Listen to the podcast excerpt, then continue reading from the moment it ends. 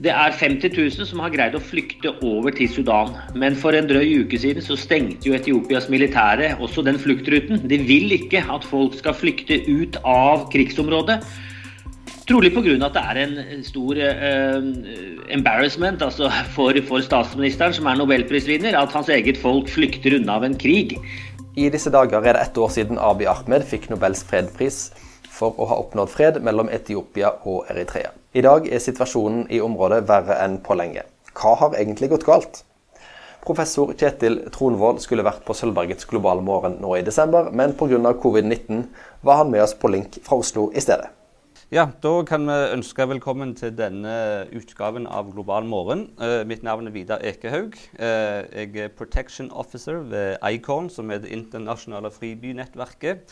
Vi har jo kontor her på, på Sølvberget. Og i dag har vi med oss eh, Kjetil Tronvold, som er professor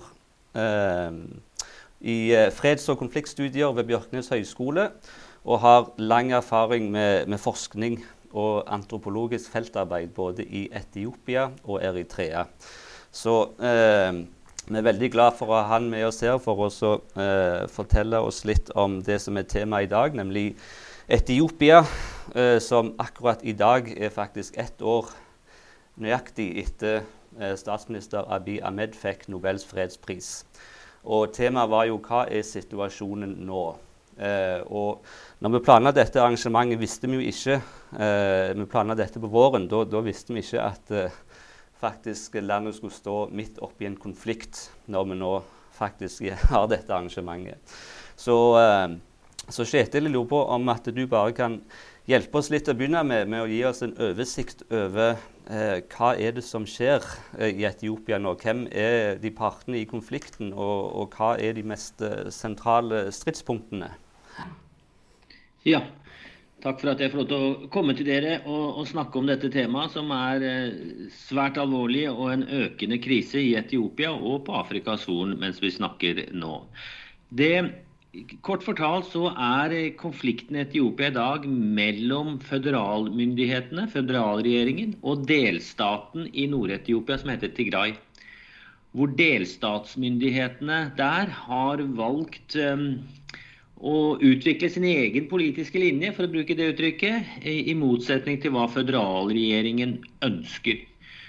Delstaten i Tigray styres av Tigray People's Liberation Front, TPLF, den gamle frigjøringsbevegelsen som slåss på 70- og 80-tallet mot Mengistu Haile Mariam, militærdiktaturets leder, og greide å styrte da juntaen i 1991 i samarbeid med andre koalisjonspartnere under denne paraplyorganisasjonen som kalles EPRDF.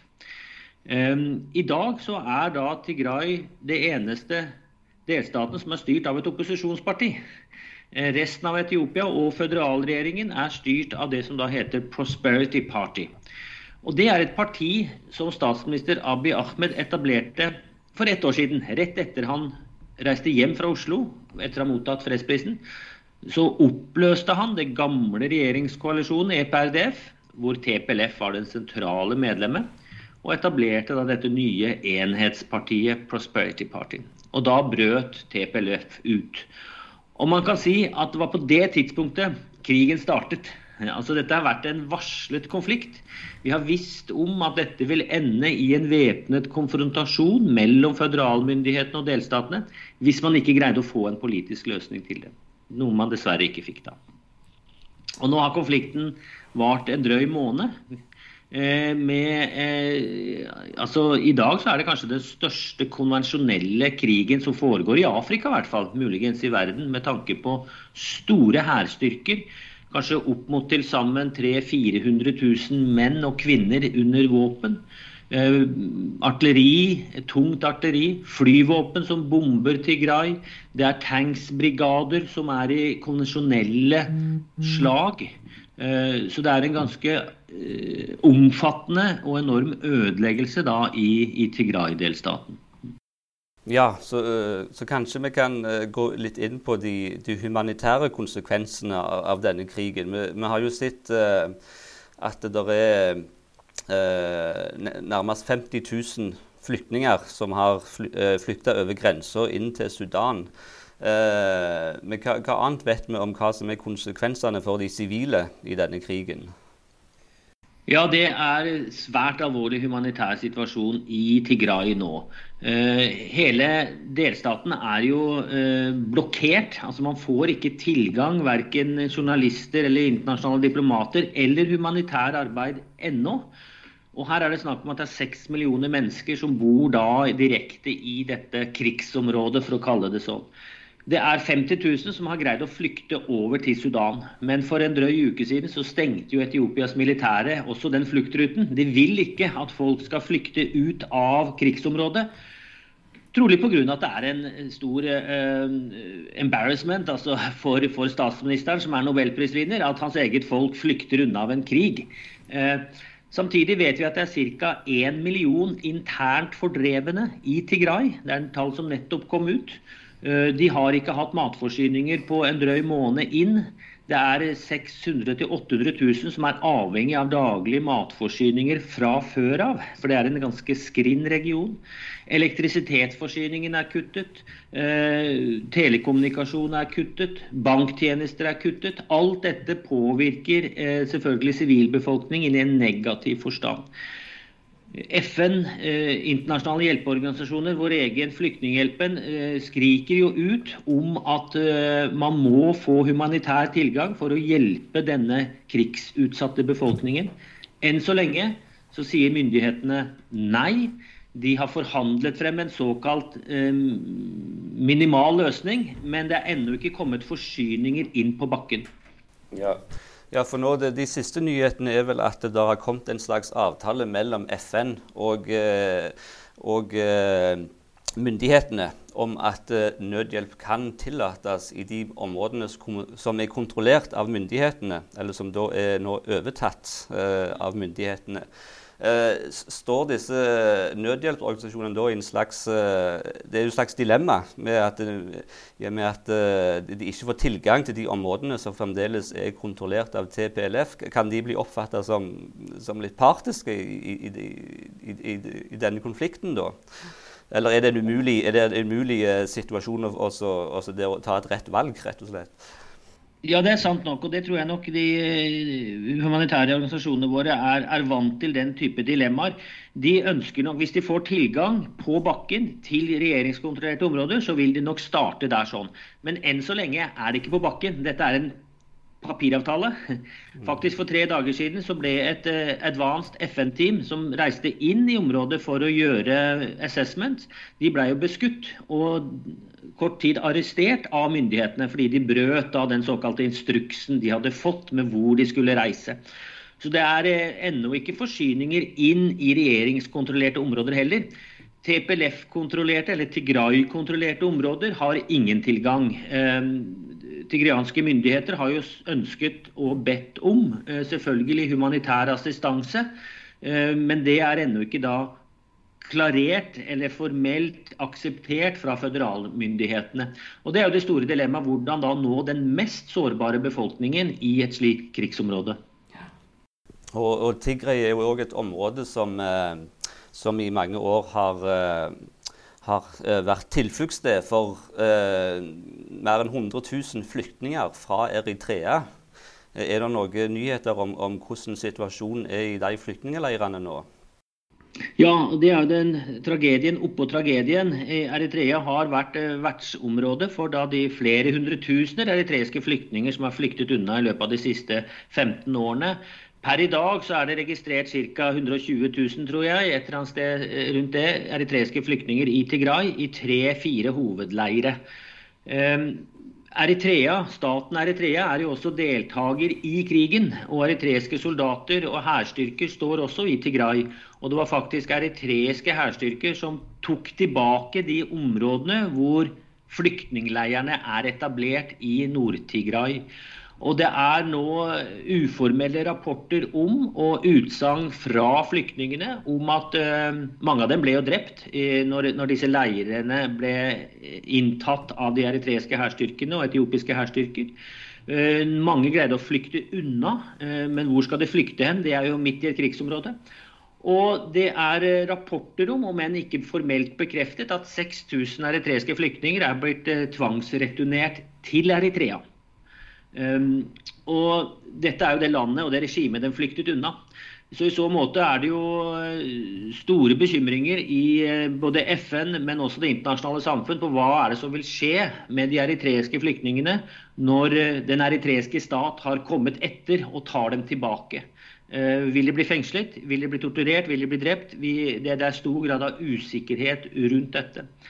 Og Selvfølgelig er det da en kritikk av Etiopia og Etiopias føderalregjering at de, de, samarbeider jo med Eritrea i denne militæroperasjonen. At de tillater at eritreiske flyktninger blir tvangsreturnert til eh, sitt hjemland. For det er jo da brudd på flyktningkonvensjonen direkte. Ja, ja også for uh jeg tror for, for, å forstå denne konflikten litt, og, og hvorfor nå eh, Eritrea faktisk eh, er med i, i, denne konflikten, som, som en skulle tro bare er en intern konflikt i Etiopia, så, så må vi kanskje gå tilbake en, en, eh, minst en 30-40 år eh, til, til og gjerne helt til, til, til grunnleggelsen av TPLF. Eh, og kan du fortelle litt om, om hvordan den, uh, altså den Tigray-bevegelsen, altså det partiet, hvordan det, hvordan det oppsto? Hva de, uh, hva de kjempa mot på, på 70- og 80-tallet, helt til, til, de kom til makta i, i, i, Etiopia, og hvordan det sitter igjen som, som en, på en måte, i, i dagens konflikt. Ja. Det, det, det, er en ganske komplisert forhistorie her med å forstå eh, Eritreas involvement i dette som i utgangspunktet er en borgerkrig i Etiopia. Men eh, frigjøringsbevegelsen i Eritrea, EPLF, startet jo sin frigjøringskamp mot det etiopiske sentralregjeringen da på, på 60-tallet. Og hvor Tigray-folkets frigjøring her kom på midten av 70-tallet. I utgangspunktet så hadde de et samarbeid, for begge slåss mot en felles fiende. Eritrea ønsket å løsrive seg, Tigray ønsket autonomi og et uh, demokratisk Etiopia. Um, men det var også uenigheter på ideologisk grunnlag og på uh, krigsstrategi og historiske, kulturelle tolkninger av sitt omland, som medførte at samarbeidet uh, harket litt under motstandskrigen. I 1991, når Derg-regimet, militærjuntaen, falt, eh, så aksepterte da TPLF, som tok da regjeringsmakten i Etiopia, at Eritrea skulle bli selvstendig. At deres frigjøringskamp eh, eh, skulle krones med hell da, etter 30 års frigjøringskrig. Men allerede syv-åtte år etter, altså i 1998, brøt det ut en ny stor krig mellom Eritrea og Etiopia som varte fra 1998 til 2000, hvor over 100 000 mennesker ble drept på slagmarken. Og det satte igjen dype spor da, eh, mellom Eritrea og Tigray. For det var Tigray som var grenseområdet mot Eritrea, og det var der krigen ble utkjempet. Man tror nok at eh, siden 2000, da det var en skjør fredsavtale som aldri ble implementert på bakken, eh, at Isaias Afwerki, presidenten av Eritrea, har alltid holdt et nag mot Tigray-folkets frigjøringshær, TPLF, pga. det nederlaget han led da i 2000 på slagmarken. Samtidig har Isaias Afwerki, Eritreas president, som er en veldig har en veldig nasjonalistisk, ideologisk eh, plattform for sin regjering. Han har alltid vært en motstander av Etiopias etnisk føderale system. Han er redd for at det skal ha en negativ påvirkning på sitt eget folk og sin egen ideologi. Så det er mange faktorer som medførte til at da når Abiy Ahmed tok makten i april eh, 2018, og da ba om en dialog, en fredsdialog med Eritrea, så aksepterte president Isaias Afwerki dette for første gang på 20 år. Og sa at ja, vi kan ha en fredssamtale. Mest pga at både Isaias Afwerki i Eritrea og Abiy Ahmed i Addis Abeba har en felles fiende. Og den felles fienden er TPLF i Tigray. Så det var mer en type politisk-strategisk allianse som ble inngått, enn en fredsavtale som sådan. Begge ønsket å marginalisere TPLF. Isaias ønsket å knuse TPLF. Og derfor har jo Eritrea og Isaias Afarki hele tiden vært en hva skal jeg si, en, hvert fall en veldig klar rådgiver overfor statsministeren i Etiopia på hvordan denne politikken skal utformes. Og fra første dag av, mer eller mindre, etter fem dager, da har vi klare indisier på det, deltok også eritreiske styrker i krigen mot Tigray i Nord-Etiopia. Og eh, nå er det mye som ikke kan 100% bekreftes, men nå i går til og med så gikk da amerikanske diplomater ut offentlig og bekreftet av at eritreiske hærstyrker er involvert i denne, i denne, såkalte borgerkrigen. Så det er jo da en internasjonalt element i, i, i hva som foregår da av, av krigsutøvelse i Nord-Etiopia. Ja, og vi må jo innom dette her spørsmålet nå, siden eh, vi er nå tross alt eh, ett år etter Nobels fredspris ble, ble utgitt. Og, og, og, som du sa, den, eh, det, det, som eh, Nobelkomiteen oppga som grunnlag, var jo denne her fredsavtalen mellom Etiopia og Eritrea. I tillegg til at Abiy Ahmed hadde gjort en del positive eh, ting i landet sitt, som å, som å frigjøre politiske fanger og, og, og, større pressefrihet og organisasjonsfrihet. Men, eh, men altså, du kalte nå denne fredsavtalen mer en, en politisk, strategisk avtale. Er, er, er, det noe som Nobelkomiteen burde visst, eller, eller burde kunne, kunne, altså Det er lett å være etterpåklok, men, men altså burde kunne ha forutsett. Og så, ja, det, samtidig også, så er jo eh, altså, Den prisen gir jo en, en, en, mye legitimitet og mye politisk godvilje kan du si, fra det internasjonale samfunnet til, til den som får den. Og hvordan har uh, Abiy Ahmed brukt denne, den, denne godviljen kan du si, fra, fra, fra no, norske Nobelkomiteen? Ja, til det første spørsmålet først. Det er det, jeg har jo uttalt flere ganger at det Abiy Ahmed gjorde han, etter han kom til makten i april 2018 og til desember 2018, det er jo den tidsperioden Nobelkomiteen har evaluert som relevant for prisen. Hans første åtte måneder i in office. Det, var, eh, det gir en fullt ut eh, begrunnelse til at han kan få prisen. Han satte i gang en diplomatisk dialog med Eritrea. Det var hovedvektleggingen, som du sa. Pluss han eh, akselererte de politiske reformene som hadde allerede startet i Etiopia, men han akselererte det da særlig med indre reformer, åpenhetskultur, frigiving av politiske fanger, eh, respekt for ytringsfrihet, organisasjonsfrihet osv. Som var fantastisk i Etiopia i 2018. Det er en enorm forandring på politisk kultur og forståelse. Så det eh, gir en, en, en, god plattform til at han fikk prisen. På det grunnlaget. Men så skal vi huske det at Nobelkomiteen i Oslo den trakk sin beslutning i oktober 2019 om hvem som skulle få prisen for 2018. Eller på bakgrunn av det som ble gjort i 2018. Og allerede 30.12.2018 så stengte Eritrea grensene til Etiopia igjen. Da visste vi at den såkalte fredsprosessen ikke var en fredsprosess, det var noe annet som lå bak. For hvorfor stenge grensen når folk jublet i titusenvis om å få lov til å besøke hverandre igjen? Fra Tigray til Eritrea og Eritrea til Tigray. Det er der hovedgrensen er da, mellom de to landene. Og så etter hvert begynte også de indre reformene i Etiopia å svekkes, eller å stoppe opp, i 2019. Og man begynte å falle tilbake på noen gamle rutiner. Fengslinger av noen journalister og, og andre opposisjonelle. Og, og slå hardhendt ned på noen protester osv. Så, videre. så man så jo også at oi, kanskje det ikke går så veldig greit, denne åpenhetskulturen han introduserte i 2018. Så når oktober 2019 kom, så mente jeg at de faresignalene man så, særlig med den såkalte fredsprosessen med Eritrea, men også de indre reformene i Etiopia, var så store og så klare at Nobelkomiteen burde ha ventet med sin beslutning om å gi han prisen. Og sett det an et år til da, mm. på hvordan det gikk. Så Det er mitt grunnlag for kritikk av den prisen, at det var altfor tidlig. Vi visste allerede da at dette trolig ikke ville iverksettes, verken freden med Eritrea alt jeg på å si, eller, eller de indre reformene skulle gå så greit. Og så har man da, ett år etter han fikk prisen, som sagt, så er det Altså, i, i, løpet av året i år, da, 2020, så har det hendt mange ting i Etiopia som har svekket legitimiteten til den prisen.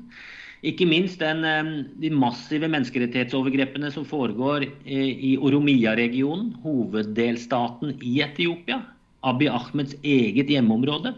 Det er vel dokumentert gjennom hele året en politisk undertrykkelse, fengslinger uten lov og rett, tortur, drap, eh, voldtekter av sikkerhetsstyrkene i den regionen. Eh, den eh, politiske crackdownen som kom i juli i etterkant av et drap på en populær sanger i landet, hvor de flesteparten av, hoved, av opposisjonslederne i landet ble fengslet og sitter inne ennå. Anklaget for terrorvirksomhet og undergravende virksomhet som ikke helt henger på greip, for å si det sånn. Og så da denne nye krigen eh, mot Tigray. Jeg legger ikke skylden på føderalmyndighetene alene i dette, men det er nå de som en gang har det overordnede politiske ansvaret. Og Abiy Ahmed er regjeringssjef i landet. Så i så tilfelle så stopper ansvaret med han. Og det er jo særdeles pinlig selvfølgelig for Nobelkomiteen å gi en nobelpris til en, til en, stats, en regjeringssjef som har, som har, gjort så mye ugreit, for å bruke det uttrykket, gjennom sitt første år uh, som nobelprisvinner. Og så spør du da har denne prisen hjulpet på de prosessene den ønsket å hjelpe, altså fredsprosessen med Eritrea og indre reformer, eller har den faktisk vært destruktiv og negativ? Jeg skrev en kronikk om dette for, en, for et, ca. et år siden, hvor jeg nettopp sa eh, potensialet at dette faktisk vil være en pris som vil ha en klar negativ effekt, og ikke en positiv effekt. Og det er det vi har sett, dessverre. Det ga mot til Abiy Ahmed om å pushe gjennom en politisk linje han ønsket, og som gikk i stor grad motstrid med majoriteten i befolkningen, sånn som vi kjenner det til. Altså denne ideen, som er en legitim politisk idé, og resentralisere makten i Etiopia, danne et enhetsparti, snakke om en sterk etiopisk identitet. Alt dette er helt greit, men man må huske på at veldig mange i Etiopia ønsker en sterk eh, føderalstat med sterk politisk autonomi på delstatsnivå og på etnisk gruppenivå. Da. Og man ønsker ikke seg tilbake til et sentralisert enhets-Etiopia den ideologien som Abiy Ahmed står for. Så I så måte ga det Abiy Ahmed en intern legitimitet til å uh, kjøre frem og akselerere sin politiske idé, og dermed marginalisere sine opponenter, både internt i partiet, som han gjorde, men også i opposisjonen. Og Samtidig har det gitt han selvfølgelig en internasjonal status som gjør det vanskelig for diplomater, ambassadører og utsendinger å kritisere han. Mm. Fordi det er jo tross alt nobelprisvinneren vi står og snakker til. Mm. Hvordan kan vi belære, eller hvordan kan vi kritisere, eller hvordan kan vi hva skal jeg si, eh, gi innspill eh, til en politikk da som vi eh, er, eh, ser går feil? Det, det, har, det, har, satt mange ambassadører og utsendinger i et dilemma. Det vet jeg personlig, for jeg snakker med disse. Og, og han har brukt dette ganske effektivt da, til å avvise kritikk. Mm. Um. Jeg lurer på om jeg kan gå, prøve å forstå litt mer av, av det, du, det, du, sa om eh, altså den her føderale staten som Etiopia er, eh, og at det er eh, på en måte, gjerne hvis Nordmenn kan kjenne seg igjen i en, en sentrum-periferi eh, eh litt eh, En motsetning der. At, at folk vil ikke bli styrt fra, fra, hovedstaden i Addis Ababa. Men, men, dette her går jo òg tilbake til, til, til, grunnlegg, altså til, grunnleggelsen av det moderne Etiopia i 1991. Kan, uh, kan, du fortelle litt om hvordan den føderale staten oppsto, og, og, og, og, hva som, var grunnlaget for, for at det, var, det, ble måten å organisere landet på et, etter det kommunistregimet ble falt? Ja. Ja, og Her kan vi jo faktisk gå 2000 år tilbake i tid for å ta det fra begynnelsen av. Jeg skal prøve å unngå det, men Etiopia er jo eh, den eldste statsenheten vi har sør for Sahara. Eh, det har vært en eh, sentralregjering for å bruke det uttrykket, i eh, høylandet i Etiopia, i Tigray, i Aksum, som det opprinnelige riket het, i 2500 år tilbake i tid.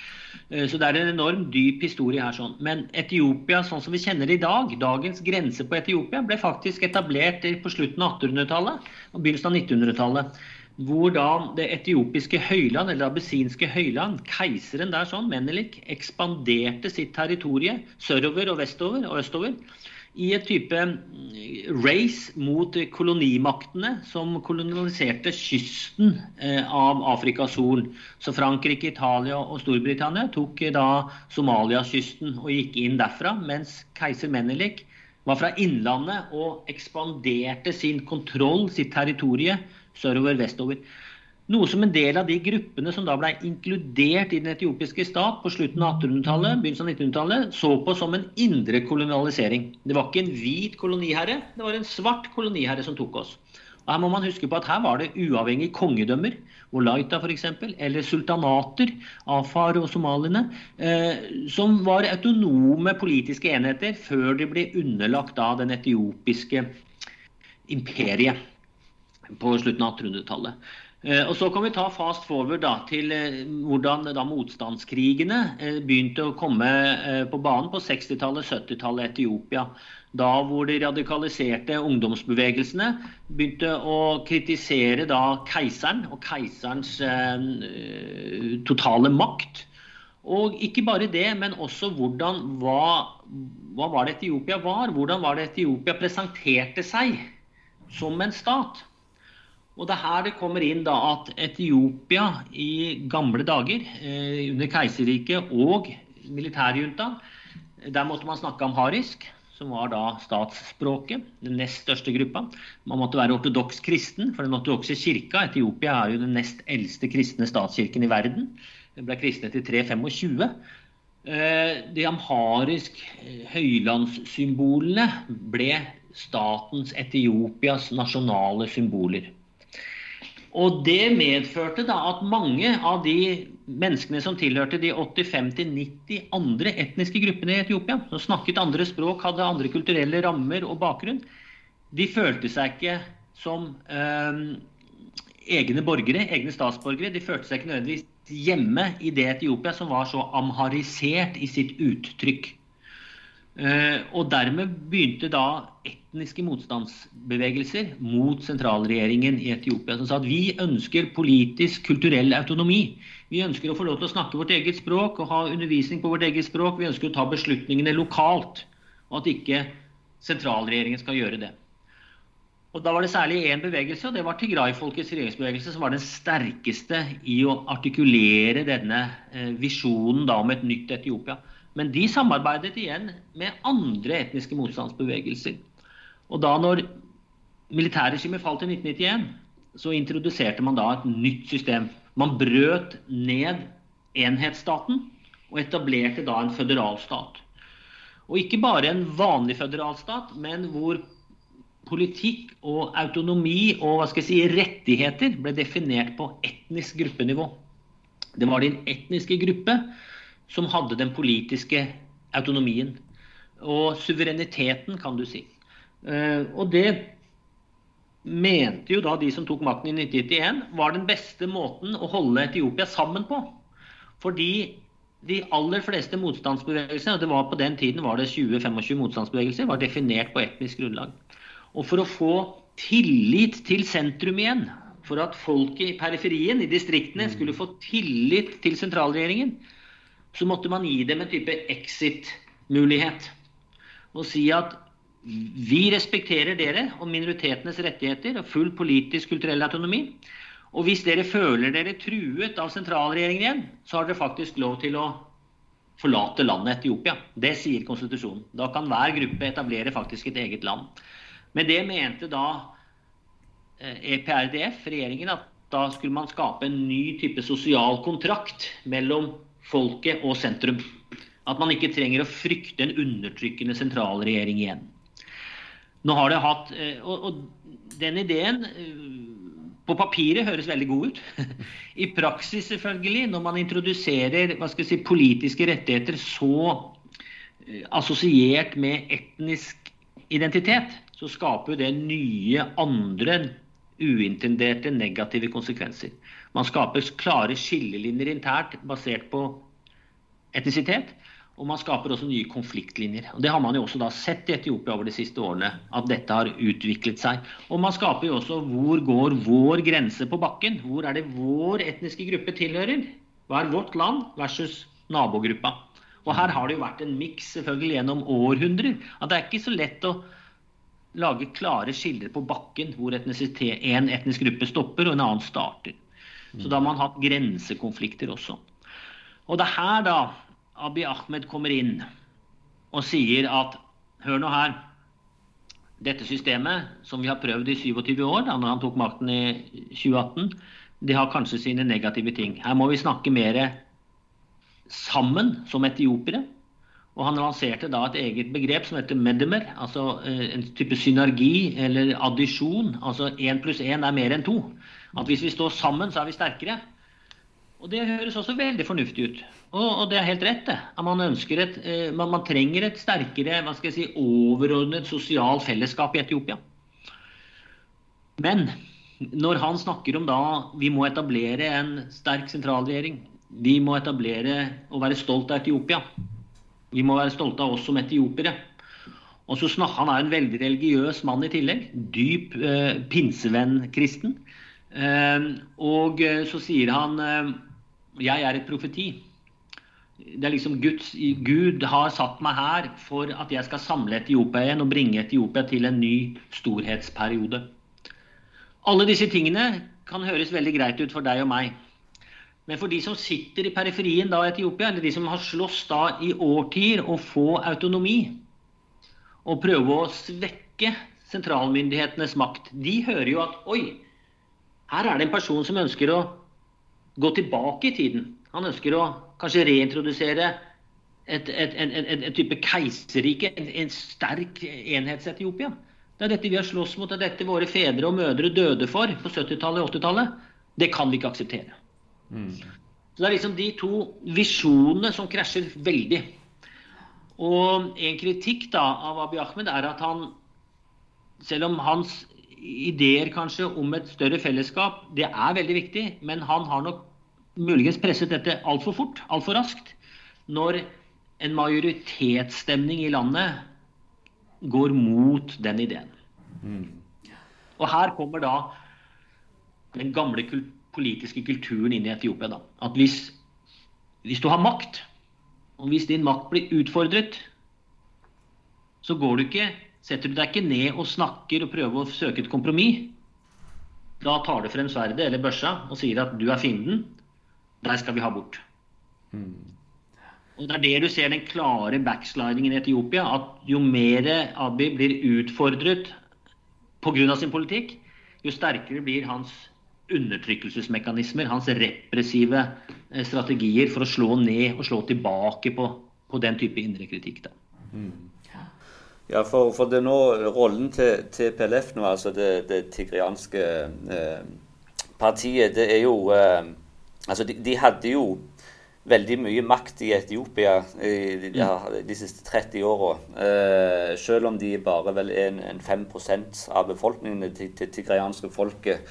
Og, og, det er jo klart de, det er jo de som har mista makta nå de to siste mm. åra. Og det er vel gjerne mm. kanskje derfor at uh, en ser en så sterk reaksjon.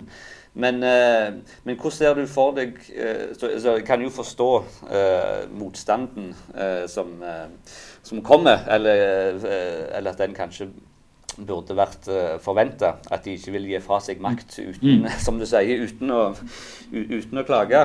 Men, mm. eh, samt, men har jo, nå har jo de trukket seg tilbake eh, kan du si, i, i, i, fjellområdene nord i Tigray-regionen. og, og og de har jo erfaring, som, som du nevnte før, med, med altså geriljakrig og, og, og, og, kamp mot sentralmakta i Etiopia. Eh, de har de holdt på i, i 17-18 år før, de vant til slutt. Mm. Hvordan, hvordan, tror du er, hvordan, hvordan er um, holdningen og, motstandsviljen uh, hos, hos, partiet nå, nå som de er slått litt tilbake? Mm. Ja da, og selvfølgelig 'it takes two to tango', som det heter. Og en krig startes ikke av den ene part alene.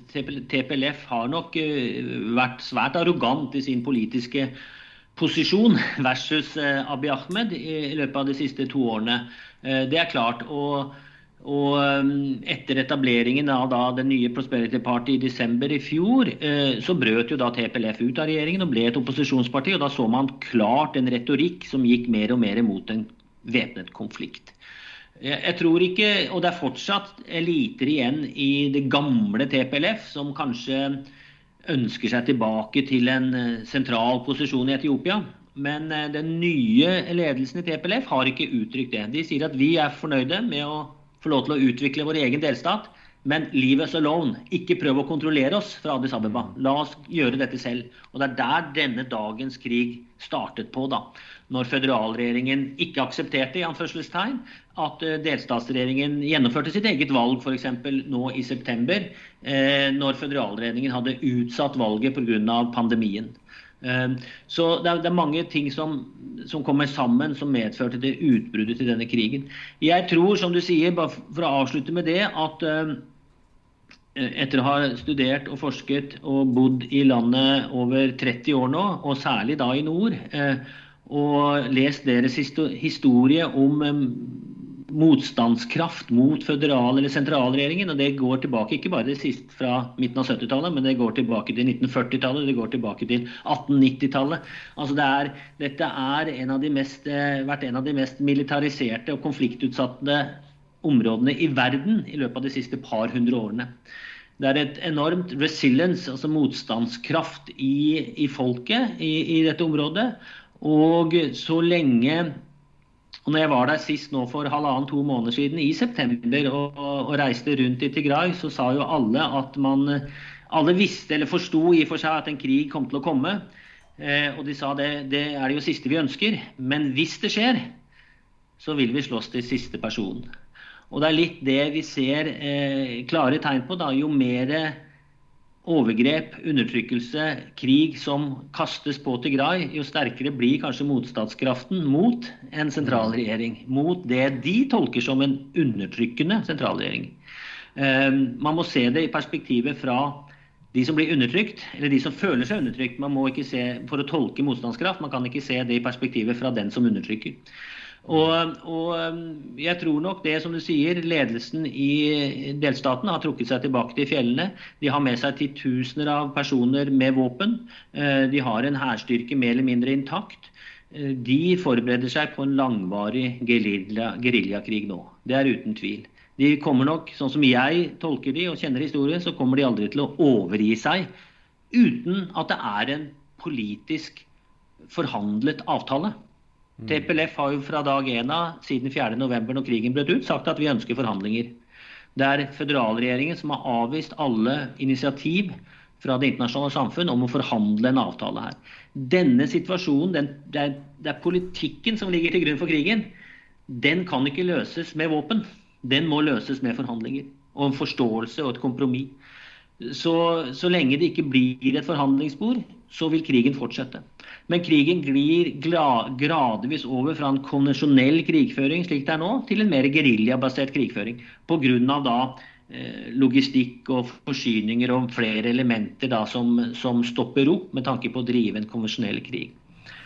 Så trolig er vi tilbake til et scenario fra 70- og 80-tallet hvor eh, sentralregjeringen hadde såkalte garrisonsbyer. altså Sentralregjeringen kontrollerte Mekkele, delstatshovedstaden, og et par andre byer, hvor man fløy inn forsyninger men hvor da geriljahæren kontrollerte terrenget og hadde støtte i befolkningen.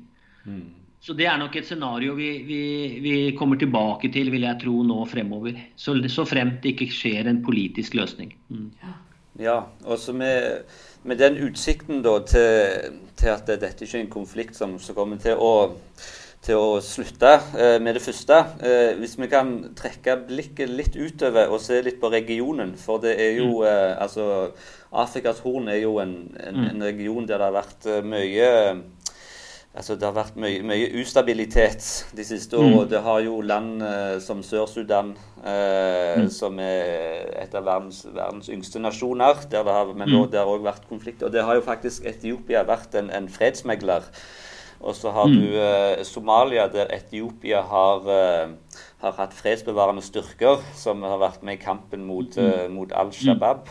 Og så mm. har du eh, Egypt og Sudan, mm. der, mm. der, det har vært krangel om rettigheter mm. til, eh, til, vannet mm. i elva Nilen, som, som mm. har eh, av sine, en av sine hovedkilder i Etiopia, der de nå bygger en svær demning for å, for å få elektrisitet. Mm. Men hvordan, hvordan, kan dette her altså Dette blir jo et veldig uh, stort spørsmål, men, men, mm. hvordan, kan, hvordan, kan, denne konflikten nå i Etiopia påvirke de, den regionale stabiliteten og kanskje mm.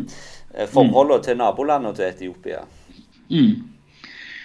Ja, det er jo det millionkronerspørsmålet her. Og her er det tre elementer jeg kort kan trekke frem. Eh, det ene var, som jeg nevnte tidligere, Etiopia blir sett på av mange som et imperie. Det er Afrikas siste imperie og et av verdens to-tre siste imperier som fortsatt eksisterer som en politisk enhet. Og for de som eh, har lest litt historie, og, og, og, så er det noe som heter imperieteori. Altså at imperier varer aldri evig. De brytes ned etter en viss tidsperiode. Fra det romerske imperiet til dagens systemer. Og det vi ser i Etiopia i dag, kan tolkes opp mot en imperietradisjon. At sentrum svekkes, eh, og du får indre konflikt i sentrum, samtidig som periferien eh, fragmenteres av gravitasjonskreftene som, som sliter på de. Og en god del av det konfliktbeltet vi ser, og det er mange andre konflikter i Etiopia enn Tigray, Addis Abeba, som vi ikke har nevnt engang. Mm som kan se at her er det muligens at vi er inne i den siste fasen av Etiopias imperietidsperiode. At imperiet Etiopia vil bryte ned. Det er ett element der. Nummer to er Afrikas Horn som en region. Eh, og hvordan de statene ble opprettet da, for en drøyt 100 år siden eh, i randsonen av imperiet Abyssinia, Etiopia. De kolonistatene vi har sett. Og hvor da du, du, som du sier, har to av verdens nyeste stater, Eritrea og Sør-Sudan. Samtidig har du Somaliland som en ikke-anerkjent stat, som har eksistert siden 1991. Og så har du flere semiautonome områder, Puntland, Jubaland osv. Og Afrikas Horn er jo det området i verden hvor statsformasjoner og statsenheter fortsatt er in the making. At det fortsatt etableres og brytes og omforenes og rekonfigureres. Ehm, det er krefter som sliter fra hverandre, og det er nye visjoner og ideologier og bevegelser som prøver å sette sammen noe nytt. Ehm, så man kan se for seg at i løpet av en middel tidsperiode nå, 5-10-15 år, så vil det komme flere andre eller nye statsenheter i Afrikas Horn eh, i sammenfall med Etiopias eh, kollaps, eh, hvis det går i den retning. Og så er det det tredje elementet, og det er jo den geopolitiske, strategiske posisjonen Afrikas Horn og Etiopia har mot Rødehavet, Adenbukta, kontrollen gjennom Gulfen. Eh, er det 90% eller noe sånt nå? Europas forsyninger går jo gjennom Rødehavet og Suezkanalen fra Asia. Eh, så det er et enormt viktig geopolitisk område. Og hvor du ser eh, Saudi-Arabia, Emiratene, altså de Midtøsten-landenes involvement her, eh, militært politisk, er stort. Egypt og Egypts interesse opp mot Blånilen og dammen på Nilen, eh, som nesten har trigget konflikt flere ganger. Du har Israel, eh, som jo eh, har sin egen visjon om å kontrollere hele Rødehavet. Og Israels involvement i Eritrea og Etiopia over de siste årene og i dag er særdeles interessant å se nærmere på. Og ikke minst har du dette lille landet Djibouti, som ligger helt på spissen. Hvor, som er det mest militariserte landet i verden med tanke på fremmede militærbaser. Hvor det er ca. ti land som har militære styrker stasjonert i Djibouti. Deriblant Kina, USA. Frankrike, Italia osv. Så, videre. så dette er en kruttønne, kan du si, mm. med tanke på ustabilitet og konflikt. Og som kan trekke med seg både nabolandene, noen regionale geopolitiske aktører, samt de globale aktørene som USA og Kina inn i dette konfliktbeltet. Og Da er vi igjen tilbake til 1970-tallet, hvor Etiopia og Somalia var eh, en hovedfrontlinje i den kalde krigen. Og Sovjetunionen støttet den ene versus USA den andre. Så det er, et, det er et element av det som heter proxy-krigføring her, som også er til stede.